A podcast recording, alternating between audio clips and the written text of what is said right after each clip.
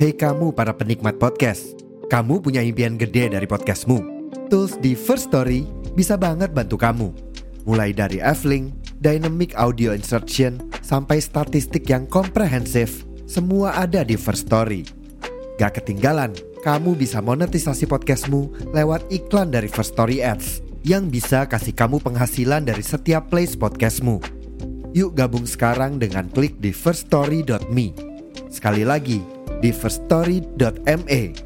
Mari kita bawa mimpi podcastingmu menjadi kenyataan.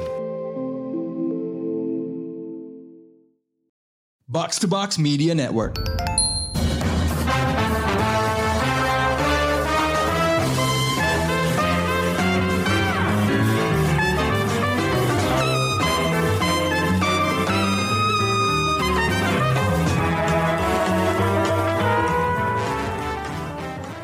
Hai pendengar Showbox, Anyong. Kita kembali lagi ke sebuah episode Korea Vagansa bareng gue dan Krisna buat membahas Alienoid 2, Return to the Future. Film ini udah lama banget gue tunggu-tunggu. Iya, gue yang nunggu ini, gue Amy nih ya. Dulu tuh waktu pertama kali Krisna nge-review, inget nggak kalian bahwa eh, gue tuh sikap gue memang rada skeptis ya. Waktu itu ceritanya terdengar jelimet, nggak linear, pakai timeline jumping. Tapi tahun 2023 lalu akhirnya gue nonton sendiri filmnya di Prime Video dan ternyata filmnya adiktif buat gue. Waktu itu di review pertama, Krisna bilang dia bisa lebih konsen nonton karena nontonnya di bioskop. Tapi gue justru terbantu sama nonton pertama kali untuk film Alienoid itu di OTT. Karena gue bisa ngulang beberapa kali sampai gue bener-bener paham ceritanya. Jadi walaupun sejujurnya Krisna bener juga sih bahwa ceritanya sendiri tuh udah bisa dipahamin ya Kris. Karena editingnya nggak amburadul, ceritanya Mm-mm. rapi dirangkai sama sutradara Choi Dong Choi Dong Hoon. Tapi gue me- mengapresiasi fakta bahwa di Prime Video gue bisa ngulang-ngulang gitu. Gue sih cukup nonton dua kali buat paham total apa yang terjadi. Selebihnya gue nonton ulang buat nonton castnya yang luar biasa banget dan makin terasa familiar eh, buat gue pas gue nonton film kedua. Jadi sekarang di Januari 2024 kita akhirnya kedatangan juga sequelnya di bioskop Indonesia. Hari pertama tanggal 24 Januari gue langsung cus ke bioskop karena udah nggak sabaran. Dan ternyata filmnya sesuai ekspektasi banget buat gue. Gue nggak tahu kalau Krisna merasa dia sesuai apa enggak ekspektasinya. Tapi buat gue iya banget gitu sesuai banget banyak plot plot twist yang bikin gue kayak ah gila ternyata gini sialan gitu jadi gue excited sendiri gue nonton nggak pakai makan nggak pakai minum duduk manis di bioskop selama dua jam penuh untuk menyaksikan aksi kerennya Muruk, Ian dan kawan-kawan. Jadi gue sekarang pengen tanya nih sama Krisna, se- sesuai nggak Kris sama ekspektasi lo? Dan em, ini kan Alien 2 ini dirilisnya satu setengah tahun sejak film Iya. pertamanya ya. Karena Mm-mm. Ingat gue Alienoid yang pertama itu summer 2022. Kalau soal ekspektasi, gue sama sih, setuju gue sama kayak lu. Oh, Sesuai sih dari sisi entertainingnya, dari sisi karakternya semua tuh sesuai sama apa yang gue harapkan sebagai apa ya konklusi penutup dari cerita yang udah dibangun dari film pertama kan. oke. Terus kalau ya kalau buat yang sama sekali belum nonton sih kayak wajib ya nonton Wajib ya? nonton dulu karena kan nggak ada jeda kan. Maksudnya entah sequel ini tuh nggak ada jeda kan secara secara cerita gitu kan dari film pertama ke sequel ini tuh beneran langsung gitu kan. Iya, Jadi langsung kalau lari oh, gitu. ya, eh, jadi kalau kalau kalau yang sama sekali belum nonton film pertama sih kayak bakal lost ya mana karakternya banyak lagi kan. Hmm, itu dia. Tapi kalau eh, eh, tapi kalau yang udah sempet nonton film pertama gitu misalnya udah Hmm. agak lama Hmm. ya mungkin kalau ada waktu sih lebih bagus kali ya buat nge-refresh gitu kan buat buat inget lagi karakternya terus ceritanya sampai mana gitu tapi kalau kalau nggak pun gue rasa nggak masalah sih karena recapnya di awal film gue rasa udah cukup ngejelasin ya Betul. menurut gue sih Heeh. Mana terus di CGV gue sempet diputerin satu klip yang emang nge-recap gitu ya. Gue nggak tahu iya maksudnya itu apakah resmi atau gimana. Tapi ya gue berterima kasih sih ada recapnya itu. Karena gue menurut gue perlu ya untuk ya setidaknya refresh dikit lah meskipun eh, nggak sampai nonton film yang pertama lagi sepenuhnya gitu. Mm-mm. Emang ceritanya Alienoid 2 ini langsung ngelanjutin cliffhanger yang terjadi di film pertama uh, tentang nguruk. Tapi terus film ini juga banyak flashback ke beberapa hari atau minggu sebelum kejadian-kejadian yang ada di film pertama. Uh, dan lagi-lagi plotnya tetap kompleks dan cenderung ruwet. Apakah menurut lo penonton tetap bisa menikmati sama seperti di film pertama? Kalau menurut gua sih film pertama itu tetap terasa apa ya, jauh lebih kompleks kali ya. Karena Oh, paling enggak eh, kalau di sequel ini nih kita pertama kita udah kenal sama sebagian besar karakternya kan. Itu tuh dulu lumayan mm-mm. menurut gue yang bikin film pertama tuh terasa lebih eh, kompleks gitu. Itu karena karakternya banyak dan kita harus mengenal satu-satu gitu kan. Mereka karena kayak dari faksi yang berbeda-beda gitu kan. Ada aliennya, ada Iya. apa? Dari yang dari masa depan, ada yang penyihir, ada yang pendeta gitu segala macem kan, biksu-biksunya itu itu banyak yang harus Mm-mm. kita kenalin di sini paling at least kita udah kenal sebagian besar gitu motivasinya. Terus eh, apa ya? Selain itu menurut gua karena sejak awal filmnya juga ini sebenarnya kayak eh, semuanya tuh udah dibangun dari film pertama secara cerita, secara plot gitu ya. Jadi film ini tuh dari awal kayak sebenarnya udah bergerak menuju klimaks atau konklusi gitu. Jadi menurut gua plotnya sih jauh lebih solid juga ya. Iya, jadi nggak bertele-tele gitu ya, nggak Iya, harus the apa ya ngasih gitu. eksposisi dulu Mm-mm, tentang karakter ini atau karakter itu. Setidaknya mm-mm. kita udah langsung dikenalin sama karakter-karakter utamanya, meskipun di sini tetap ada ya Iya. eh, karakternya. Contohnya karakternya si Jin Sun Kyo yang tiba-tiba muncul terus kayak loh, ini ada siapa nih gitu. Ya, Maksudnya oke, tapi itu menurut gue juga penambahan yang natural aja karena sebenarnya eh, kejadian dia muncul itu Ya, terkait kan. emang terkait gitu. Jadi Mm-mm, kayak gue nggak merasa ada kejutan-kejutan yang gimana mm-mm. banget. Terlepas dari plot twistnya ya, Chris.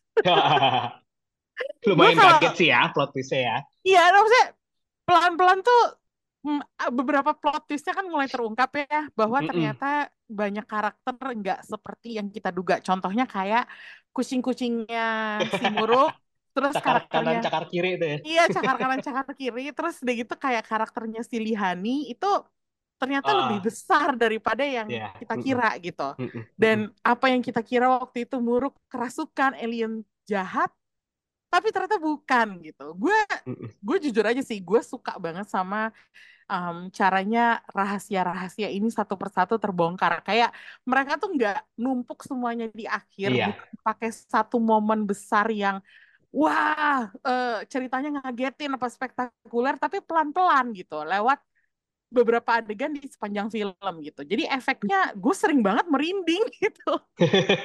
lebih Gue banyak ini ya pengungkapan ya. iya gitu. Kalau lo perasaannya kayak gimana? Apakah lo kayak gitu juga atau buat lo biasa aja gitu? Setuju sih, gue juga suka sama hal ini gitu ya. Kayak semuanya satu persatu gitu. Itu men- menurut gue menunjukkan kalau eh, sequel ini tuh ditulisnya tuh dengan apa ya? Dengan sabar gitu. Nggak Mm-mm. buru-buru gitu. Jadi tahu eh, urutannya gimana. Kayak siapa yang harus diungkap dulu, siapa yang harus diungkap dulu biar ceritanya terasa lebih runut di belakang gitu. Nggak semuanya tiba-tiba apa ya? jeder ternyata ini ternyata ini kan malah kita jadi nggak fokus juga gitu kan di sini kita Mhm. bisa satu-satu fokus ke ke cerita si kayak misalnya cakar kanan cakar kiri eh siapa? Cakar kanan cakar kiri gitu kan. Iya, kan itu awalnya kan kita nganggep kayak ah apa sih ini cuman iya. eh, comedic relief gitu kan. Macam tapi terus ternyata diungkap oh mereka penting ya gitu. Dari Mm-mm. awal gitu kan. Ken- Mm-mm. terus kenapa ada mereka mendampingi Muruk juga oh jadinya make sense gitu kan. Nah, itu itu kayak sabar dan solid jadinya gitu. Terus fokus di situ terus ketika harus ceritanya bergerak lagi ya kita udah bisa switch fokus lagi kan gitu ke untuk plot-plot lainnya gitu itu solid sih jadinya menurut gue Ini eh, kalau nggak salah lo pernah bilang bahwa syutingnya barengan Mm-mm. ya Chris film ini. oh iya sih tahu Eh, gue dulu sekaligus kalau menurut gue ini justru yang nambahin eh, tentang syuting bareng itu satu dua. Mm-mm. Mm-mm. Gue merasa ceritanya ditulis udah jadi satu cerita baru iya dibelah dua.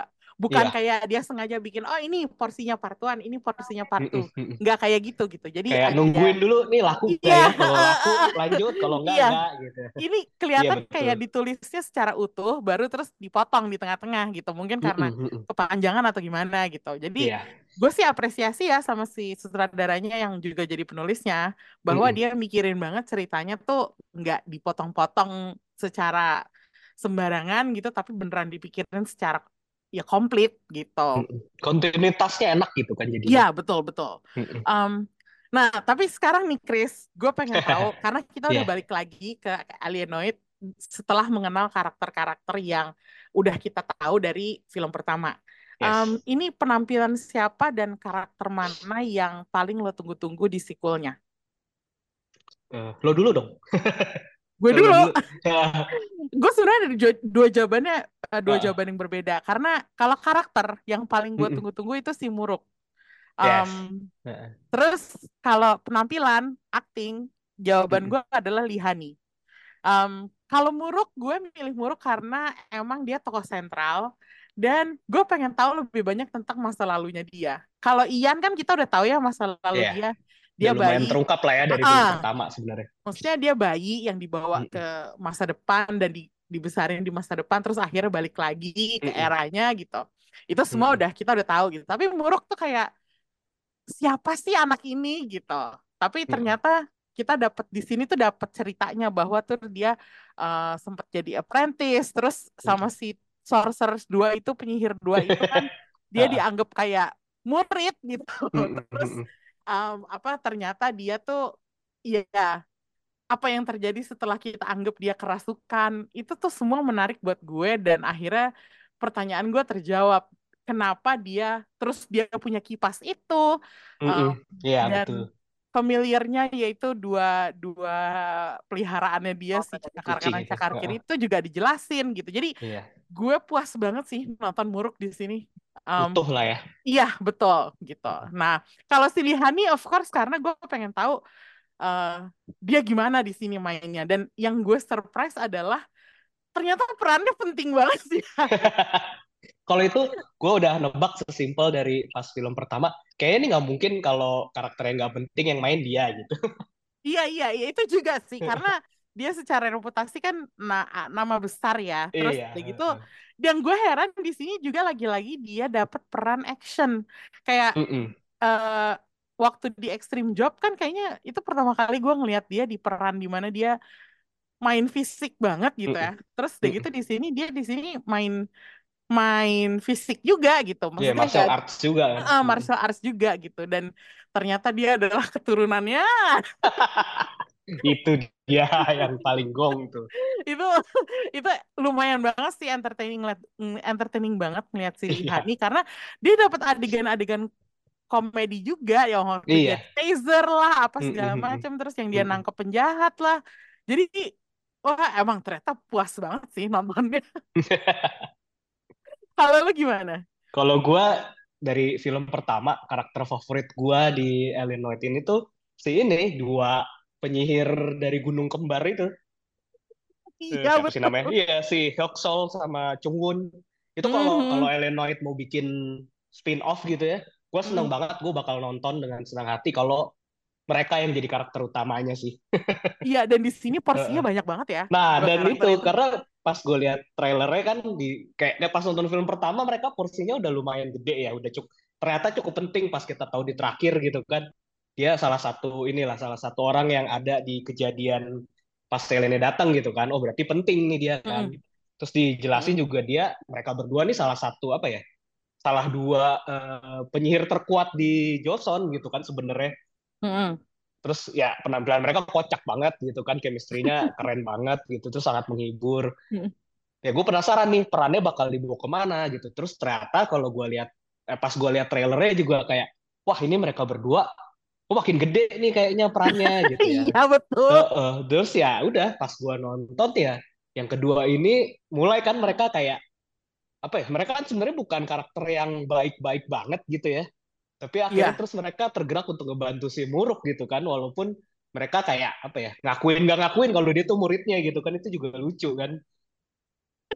Kayak ya ya bagian paling menghibur itu dari mereka lah. Terus pas mereka ke masa depan juga konyol kan yang mereka di adegan di gym segala macem itu Aduh. itu bener-bener bagian paling menghibur kalau buat gue dan gue puas karena akhirnya mereka dikasih apa ya nggak cuman komedi doang gitu tapi mereka bagian action mereka juga keren berantem mereka tuh kan pakai segala Iya. macam sihir-sihirnya jurus-jurusnya yang apa sih kayak cermin pembesar itu terus yang kertas bikin kopinya apa eh, bikin badannya jadi banyak itu kan Iya. menarik ya dipakai buat ngelawan alien gitu kan itu itu seru banget gitu jadi gue puas Nah, juga dia. sih Heeh. Itu nanti bakal gue bahas lagi ya Oke, cara mereka heeh. fighting sama alien gitu. Tapi kalau Terus, penampilan, kalau- eh, acting, Nah, kalau acting, gue justru nungguin banget sama si Jin Sun Kyu. Karena di film pertama kan dia nggak Oh. ada kan. nggak ada. Terus lah, Heeh. terus gue lihat di daftar case-nya, wah ada dia nih, jadi apaan nih gitu. Terus gue mikir, wah Lihani kan perannya bakal gede nih di sini kan, of course. Hmm. Mereka bakal dihubunginnya kayak apa ya? Mengingat mereka kan sejak Extreme Job kayak apa ya, saling sering dikaitkan gitu mereka berdua kan. Terus kayak, wah ternyata cara nyum- nyambunginnya lucu juga sih. Leluhur. itu emang karakter dua ini mantan extreme job selalu bikin gue kayak fokus ke situ gitu. Kayak gue tadinya nggak menyangka bakal ada Jin Sun Kyu karena kan gue nggak nggak ngecek gitu ya. Eh, ya ngecek sih, tapi gue nggak menyadari ada dia di situ yang perannya Iya, bakal iya. gede gitu. Karena kan Karena banyak banget ya yang Iya, iya, Heeh. iya betul. Tapi ternyata pas dia muncul dan ternyata karakternya seperti itu, gue jadi kayak mana terus adegan-adegan dia silatnya keren-keren gitu. Iya, silat serius loh. Justru dia nggak banyak komedi kan Iya, bagian dia. iya, Makanya yang brutal gitu berantem ya kan. iya itu kayak apa ya? eh, sekali-kalinya nonton Jin Sun Kyo nggak bikin ketawa, tapi bikin kayak excited gitu, thrilled Iya, gitu. Eh, keren makanya, karakternya. tapi lo merasa nggak sih Chris, martial arts di sini tuh makin kental kayak nonton film silat? Padahal berantemnya lawan alien kan? Iya, Iya. heeh. Ini actionnya dia pakai pistol iya, pakai senjata tradisional kayak pedang dan panah iya, tapi ada pusaka sihir juga. Terus ada martial arts. Ini gimana? Apakah menurut lo actionnya tuh seefektif eh, laga yang kita lihat di film-film action lain, Eh, atau justru malah jadinya lebih lucu gitu karena faktor itu tadi Mm-mm. ngelawan alien tapi pakai benda sihir gitu. Eh, ya mungkin kalau kalau soal porsinya gitu ya kenapa makin terasa kental mungkin karena kalau di film pertama kan masih ada action apa ya kayak penuh ledakan gitu kan kayak yang Mm-mm. diwakilin sama si Guard sama si Thunder gitu kan di masa Ah. kini gitu kan Mm. itu kan belum martial arts gitu sementara di sini kan karakternya udah apa yang punya peran gede kan semuanya udah martial arts semua kan yang baik di era Mhm. Joseon terus yang pas ke masa kini pun mereka ikut gitu kan jadi ya makin kental lah itunya martial arts ya cuman di sisi lain ya jadinya sesuatu yang fresh kan. Kita udah sering ngelihat eh, apa ya invasi alien gitu kan. Terus dilawan dengan senjata atau secara gerilya segala macem. Tapi ngelihat dilawan dengan martial arts gitu ya yang beneran martial arts terus ada sihirnya juga yang dengan pusaka-pusaka aneh itu itu jadinya terasa fresh banget sih. Jadinya gue sangat terhibur juga sih Iya, gue setuju sih. Kayak mm-mm. something new aja gitu dan mungkin nggak kepikiran sama filmmaker barat ya kayaknya kayak ini pertama pertama kalinya gue nonton ada orang ngelawan alien pakai martial arts gitu Iya, Itu kan pakai sesuatu pedang, yang- pakai Heeh, heeh. kayak wah emang ini idenya ternyata luar biasa banget kreatif Mm-mm. sih Em, nah terkait itu juga menurut gue final battle di Seoul yang di masa sekarang itu jadinya akhirnya cukup epic ya dimulai Iya. dari kejar-kejaran di jalanan sampai ke kereta terus ke area gudang tempat tinggalnya Kim Woo Bin sama Ean gitu. Mm-mm. Eh, padahal kalau membandingkan dengan sci-fi battles di film-film semacam Star Wars atau Star Trek atau kayak Rebel Moon lah contohnya yang gitu. baru-baru ini ya Nah, itu kan skalanya kecil banget ya. iya heeh. Tapi kenapa ini bisa seru dan pas banget porsinya dan masih terasa seperti grande gitu. Gue Mm-mm. agak heran sih.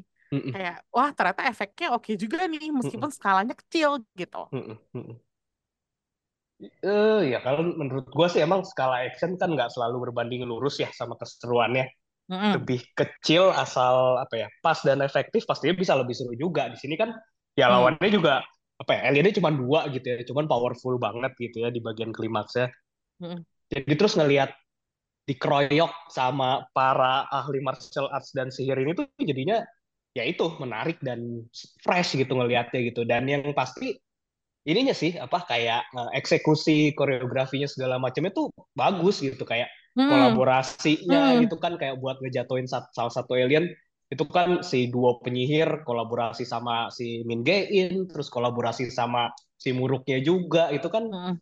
keren kan kayak ada adegan yang ini apa kayak si pedangnya dilempar ke cerminnya Betul. Eh, eh, cermin pembesar itu itu kan Wah. keren gitu kan Wah. apa dan dan oh iya bener juga itu cara paling ampuh gitu kan buat ngebunuh si aliennya gitu kan Mm-mm. jadi semua semua source yang mereka punya tuh bisa dipakai secara maksimal menurut gua di bagian klimaksnya. Gue nggak nyangka banget bahwa dengan Mm-mm. orang hanya nggak sampai 10 bahkan itu Iya, layar tuh bisa terasa sibuk dan penuh, ya nggak sih? iya, Kayak spektakuler gitu. iya spektakuler banget dan apa ya? eh, dan porsinya tuh rata gitu, nggak cuman Mm-mm. misalnya Kim Tae-ri doang atau Kim Woo Bin doang yang di, di disorot gitu, tapi Mm-mm. semuanya kayak dua penyihir itu, si Lee Han-nih, si alien-aliennya semua ketangkep dengan dengan jelas dan eh, semuanya punya andil gitu dalam Iya. membuat adegan epic final battle itu jadi seru banget gitu. Makanya gue agak-agak kagum ya sama sutradaranya ini dia nge-shoot tuh gimana gitu. Dan kualitas Kayak produksinya juga betul, special gue setuju sama lo. wow banget. Heeh. Apakah ini alasannya lama banget filmnya dikeluarin? Kayak Bisa ya jadi ya. ya nggak sih? Iya bisa jadi banget. satu setengah tahun dulu gitu. Heeh, heeh. Karena Postronya karena kalau panjang ya. Iya, karena kalau dipikir-pikir ini bukan hasil kerja 30 hari, 60 hari gitu, ya nggak sih? Yang di, pasti ngelibatin wah. banyak kru juga kan. Mm-mm.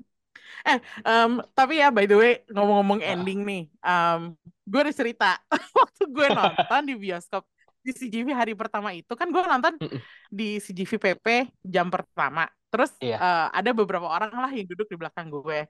Eh, kalau nggak salah yang duduk di belakang gue itu cowok. Iya. Terus pas adegan ending di mana mereka mengucapkan perpisahan kayak Heeh. em, ya ya intinya yang harus balik ke Goryeo ya mereka balik lah ke masa Iya. lalu.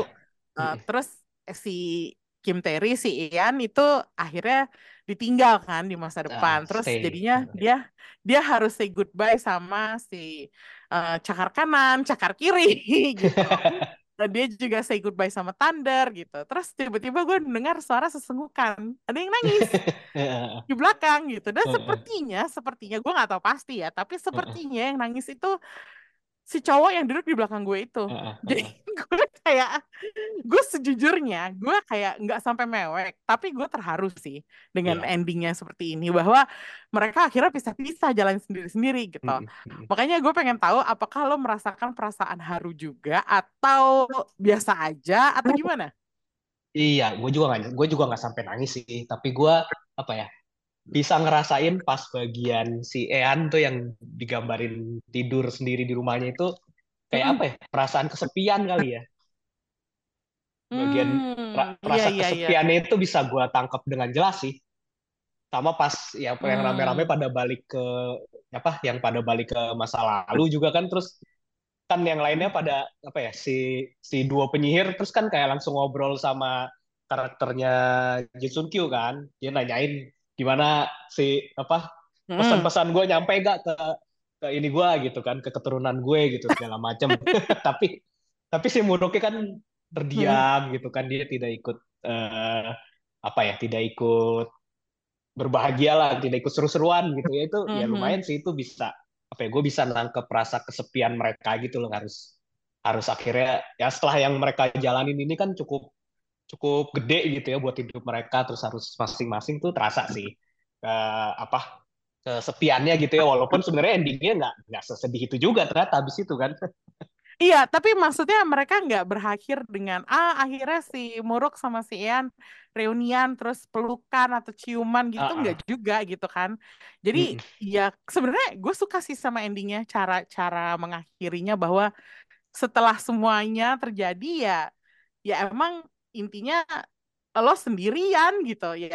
Kesepian itu wajar gitu. Jadi tapi tapi tetap ada harapan ya dengan baliknya Muruk ke Iya, apa ke masa kini gitu. Dia naik meskipun itu itu lucu banget sih. Itu gue udah tahu sih bakal ada adegan follow up dari pertanyaan tentang Pertanyaan soal taksi. Bener ya. Nah, tapi endingnya buat lo pas atau Pas, pas, pas. pas pas ya Iya, karena berarti justru ini sih, justru aneh kalau misalnya ada yang apa ya, ada yang stay nggak di tempatnya gitu loh. Maksudnya biar gimana hmm si si Ean kan emang walaupun dia lahirnya di sana di era yang mm, masa lalu, tapi kan mm, dia tumbuh besarnya udah di dunia yang masa kini gitu kan. Ya emang mm. di situ tempatnya, apalagi yang yang lain lah gitu. Emang emang tempatnya udah di masa lalu gitu. Jadi pas sih menurut gue. Tapi menurut lo Chris ini ada potensi buat dijadiin spin off atau enggak sih? Karena kalau menurut gue masih banyak yang belum kejawab tuh kayak contohnya uh, pertanyaan tentang uh, kenapa alien-alien itu harus dipenjara di manusia gitu kan? ah, ah, Itu kan masih kayak seperti menggantung ya, belum ada jawaban definitif. Terus kayak apakah uh, alien yang rebel tuh cuman segitu doang atau ada apa ada yang lebih kuat atau gimana gitu. Menurut lo ini bisa nggak sih kalau disambungin? Iya kan, karena kan eh, kita nggak tahu nih kan apa eh, istilahnya menahan di tubuh manusianya masih akan lanjut apa enggak gitu kan. Sementara Mm, di bumi udah nggak ada si Thunder sama Guard kan. mm. Jadi repot juga siapa yang ngawasin gitu kan. Jadi ya ya mungkin aja sih tapi gua harap sih kayaknya cukup kali ya. Iya sih, gue kayak ya kalau ceritanya yang sekarang mungkin nggak usah disambung-sambungin gitu, maksudnya ya nggak usah mungkin sih dengan dipanjang-panjangin. karakter baru gitu ya. Iya dengan karakter baru, tapi kita membahas hal-hal yang ya intinya masih bisa dibahas aja gitu. Kayak Mm-mm. ya itu dia yang menurut gue kenapa harus di badan manusia itu sih yang belum Iya, gue belum gue dapetin jawabannya gitu. Iya, iya. Mm-mm. Tapi pada akhirnya Alienoid 1 dan 2 secara keseluruhan itu udah menurut gue ya, buat Mm-mm. gue itu jadi salah satu eh, sci-fi South Korea yang paling bagus gitu. Kayak Hmm. gue naro naro naro dua film ini levelnya di sama kayak Train to Busan, The Host sama Snowpiercer. Ah, oke. Gue Tinggi gue nggak ya. Iya gitu, gue nggak bandingin sama Concrete Utopia ya yang jadi salah satu film top lo dari Mm-mm. 2023 kemarin. Tapi maksudnya ini level produksinya tuh udah udah tinggi banget, bagus banget gitu. Dan ceritanya tuh make sense. Jadi nggak kayak ya kita kan udah sering ngomongin ya sci-fi sci-fi lain di Korea yang yang jelimet yang akhirnya bikin kita jadi nggak nggak nggak enjoy nontonnya gitu. Mm-mm. Tapi kalau menurut gue ini adalah pengaruh dari format. Yes, Kayak betul. kalau drama itu kepanjangan karena terus penulisnya mungkin mikir gue harus muter ceritanya berkali-kali gitu. Jadi gue ya gue mainin aja supaya karakter-karakternya dapat screen time cukup buat 16 episode. Sementara ini Mm-mm. cuma satu film. Gitu. Jadi sepertinya format itu ngaruh juga gitu. Kalau analisa lo tuh gimana sekarang setelah nonton Alienoid 1 dan 2? Iya, kalau ngomong bener sih menurut gue juga faktor format karena kalau di film Mm. eh, sci-fi Korea dari dulu udah solid, yaitu kayak judul-judul yang tadi lu sebut tuh semuanya solid semua gitu kan. Mm. Secara cerita sangat utuh, secara kemasan juga sangat menghibur gitu. Ini Eleanoid termasuk yang paling menghibur gitu ya, karena bisa ngabungin banyak hal gitu, termasuk apa ya komedi yang seru juga bahkan gitu kan itu jadinya Mm. dan secara cerita juga solid utuh gitu kita sama sekali nggak kekurangan konklusi gitu tapi ya memang kalau di drama ya itu sih karena kadang harus dipanjang-panjangin jadi gua kalau secara kualitas produksi gua udah udah udah percaya gitu ya di dramanya juga mereka bagus gitu ya Hmm. tapi ya betul sih emang ya kadang juga mungkin eh, apa ya eh, ngelihat demografi penonton drama juga kali ya. Jadi mereka kayak masih harus masukin bumbu-bumbu romance segala macem gitu. Itu yang kadang lumayan ngerusak alur gitu kan. Jadinya dragging agak tahu gimana jadi nggak fokus sama ceritanya. Tapi ya kayaknya belakangan juga membaik sih. Kayak gue inget tahun lalu tuh ada misalnya apa ya eh, drama sci-fi Duty After School gitu. Itu kan juga Hmm. cukup cukup intens dan cukup kuat gitu secara cerita cukup solid gitu. Jadi ya mungkin setelah Eleanoid ini setelah Eleanoid 2 ini gue rasa sih ya akan semakin membaik aja sih justru mau film Hmm. mau drama Tapi kalau menurut gue ide bahwa gabungin um, period, period piece sejarah Mm-mm. sama alien itu adalah hal yang belum banyak dicoba di mana-mana gitu. Jadi makanya gue Fresh ya. merasa ini uh, faktor freshnya itu adalah karena premisnya unik gitu, nggak nggak Iya. ditemuin di tempat lain. Terus eksekusinya juga ternyata Nah, bikin iya. filmnya make sense gitu. Makanya Mm-mm. makanya gue mungkin kayak agak-agak wah mungkin belum belum belum sampai levelnya. Ada mungkin beberapa orang bilang ah berani-beraninya lo ngebandingin Alienoid sama Train to Busan gitu misalnya. Tapi Ah, kalau menurut gue zombie itu kan udah biasa ya. Alien Iya. juga biasa. Tapi Ah, ah. alien lawan Goryeo gitu. Kayak itu kayak nggak ada sih. Gue Iya. belum ngeliat sih. Dan dan Jadi ya itu bener eksekusinya juga rapi kan. Maksudnya gimana nge-mix itu sama martial arts, nge- nge-mix itu sama sihir itu kan yang yang sebenarnya bagian paling susahnya gitu ya. Idenya Mm. sih mungkin gampang kan. Oh, gimana kalau kita bikin eh, alien invasion tapi ada elemen time travel dan eh, period piece gitu kan segala macem. Tapi Mm-mm. gimana nyatuinnya itu kan yang yang yang sebenarnya sulit gitu dan ini berhasil banget di sini kan. Dan justru kita enjoy sama semua elemen itu gitu, nggak ada yang mengganggu. Dan film ini membuktikan bahwa itu bisa dilakukan dengan Yes, betul. dengan seru dan humor dan apa ya acting yang yang variasi gitu, yang Iya, yang macam-macam gitu. Jadi, aduh gue sih gue sih puas banget ya Chris. Gue pengen nonton lagi. Begitu tepat setelah filmnya selesai, gue langsung mikir kapan gue bisa nonton lagi gitu. Kayak gue pengen nonton lagi dan lagi gitu. Gue nggak ngerti kenapa gue jadi tiba-tiba suka banget sama Alienoid ini. Atau mungkin karena unsur ininya gitu ya, ensemble cast-nya bagus juga gitu, atraktif gitu. Dan Dan itu saling ini kan, semua punya porsi yang bersinar gitu, nggak ada yang ketutup gitu kan. betul, itu juga Mm-mm. sih. Dan Muruk itu memang keren banget sih. Emang ini ini sih, menurut gue Renoid ini tipe film yang lu akan tetap enjoy sih nonton berkali-kali. Akhirnya ya, gue menemukan Ya. film Korea lain selain Extreme Job yang bisa gue tonton berulang-ulang gitu. Iya, Jadi iya. kayaknya ke depannya ini bakal jadi comfort watch gue gitu. Sepertinya, gue nggak tahu juga. setuju. Maksudnya, eh, tapi Extreme Job tuh kan udah kayak, itu kan sering banget ya gue tonton. Gue kayak, aduh bosen gitu. Jadi sekarang bisa nonton Alienoid satu. Dan kalau semoga nanti ada di OTT juga ya, yang kedua Iya, ya. iya. Jadi gue bisa nonton dua-duanya. nggak terlalu lama lah ya. Ya, semoga. Oke, ini mau kasih berapa bintang nih, Chris? Oh, gue empat lah. Empat ya? Kalau gue empat setengah. Kayaknya agak, mungkin gue agak hiperbolis, tapi gue beneran seneng banget bisa nonton film ini di bioskop dan ya itu dia, gue rasa gue pengen nonton lagi gitu. Em, Ya, gimana ya? aftertaste-nya happy ya. Iya, aftertaste-nya happy, padahal endingnya kan agak-agak sendu gitu ya. Iya. Gue gak tau, gue suka aja gitu. Em, kayak gue nggak tahu fil- film-film tahun ini bakal kayak gimana di 2024. Uh, mungkin banyak lebih banyak film yang lebih bagus juga daripada Alienoid 2, tapi perasaan gue saat ini adalah sepertinya nih film bakal masuk daftar top favorit gue di 2024. Si Hmm. Alienoid 2 ini. Jadi gue hmm, mungkin kecepatan juga ngomong ini di di awal tahun gitu, tapi kok gue punya feeling Tapi- aja gitu. Nah, ya masuk akal karena emang seseru itu juga gitu sih, sefun itu juga. Well, kita lihat aja nanti Mm-mm, apakah mm-mm. ada film sci-fi lain dari Korea yang bisa ngalahin Alienoid. Gue sih eh, tetap akan Eh, menantikan. ya, menantikan sih, tapi ya, tetap semoga ya.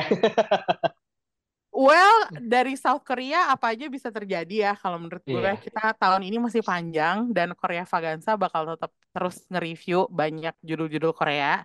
Eh, untuk lo yang mau nge-refresh nonton film pertama, silakan menuju ke Prime Video, eh, terus langsung nonton ke bioskop CGV terdekat buat nonton sequelnya, Illinois 2, Return to the Future.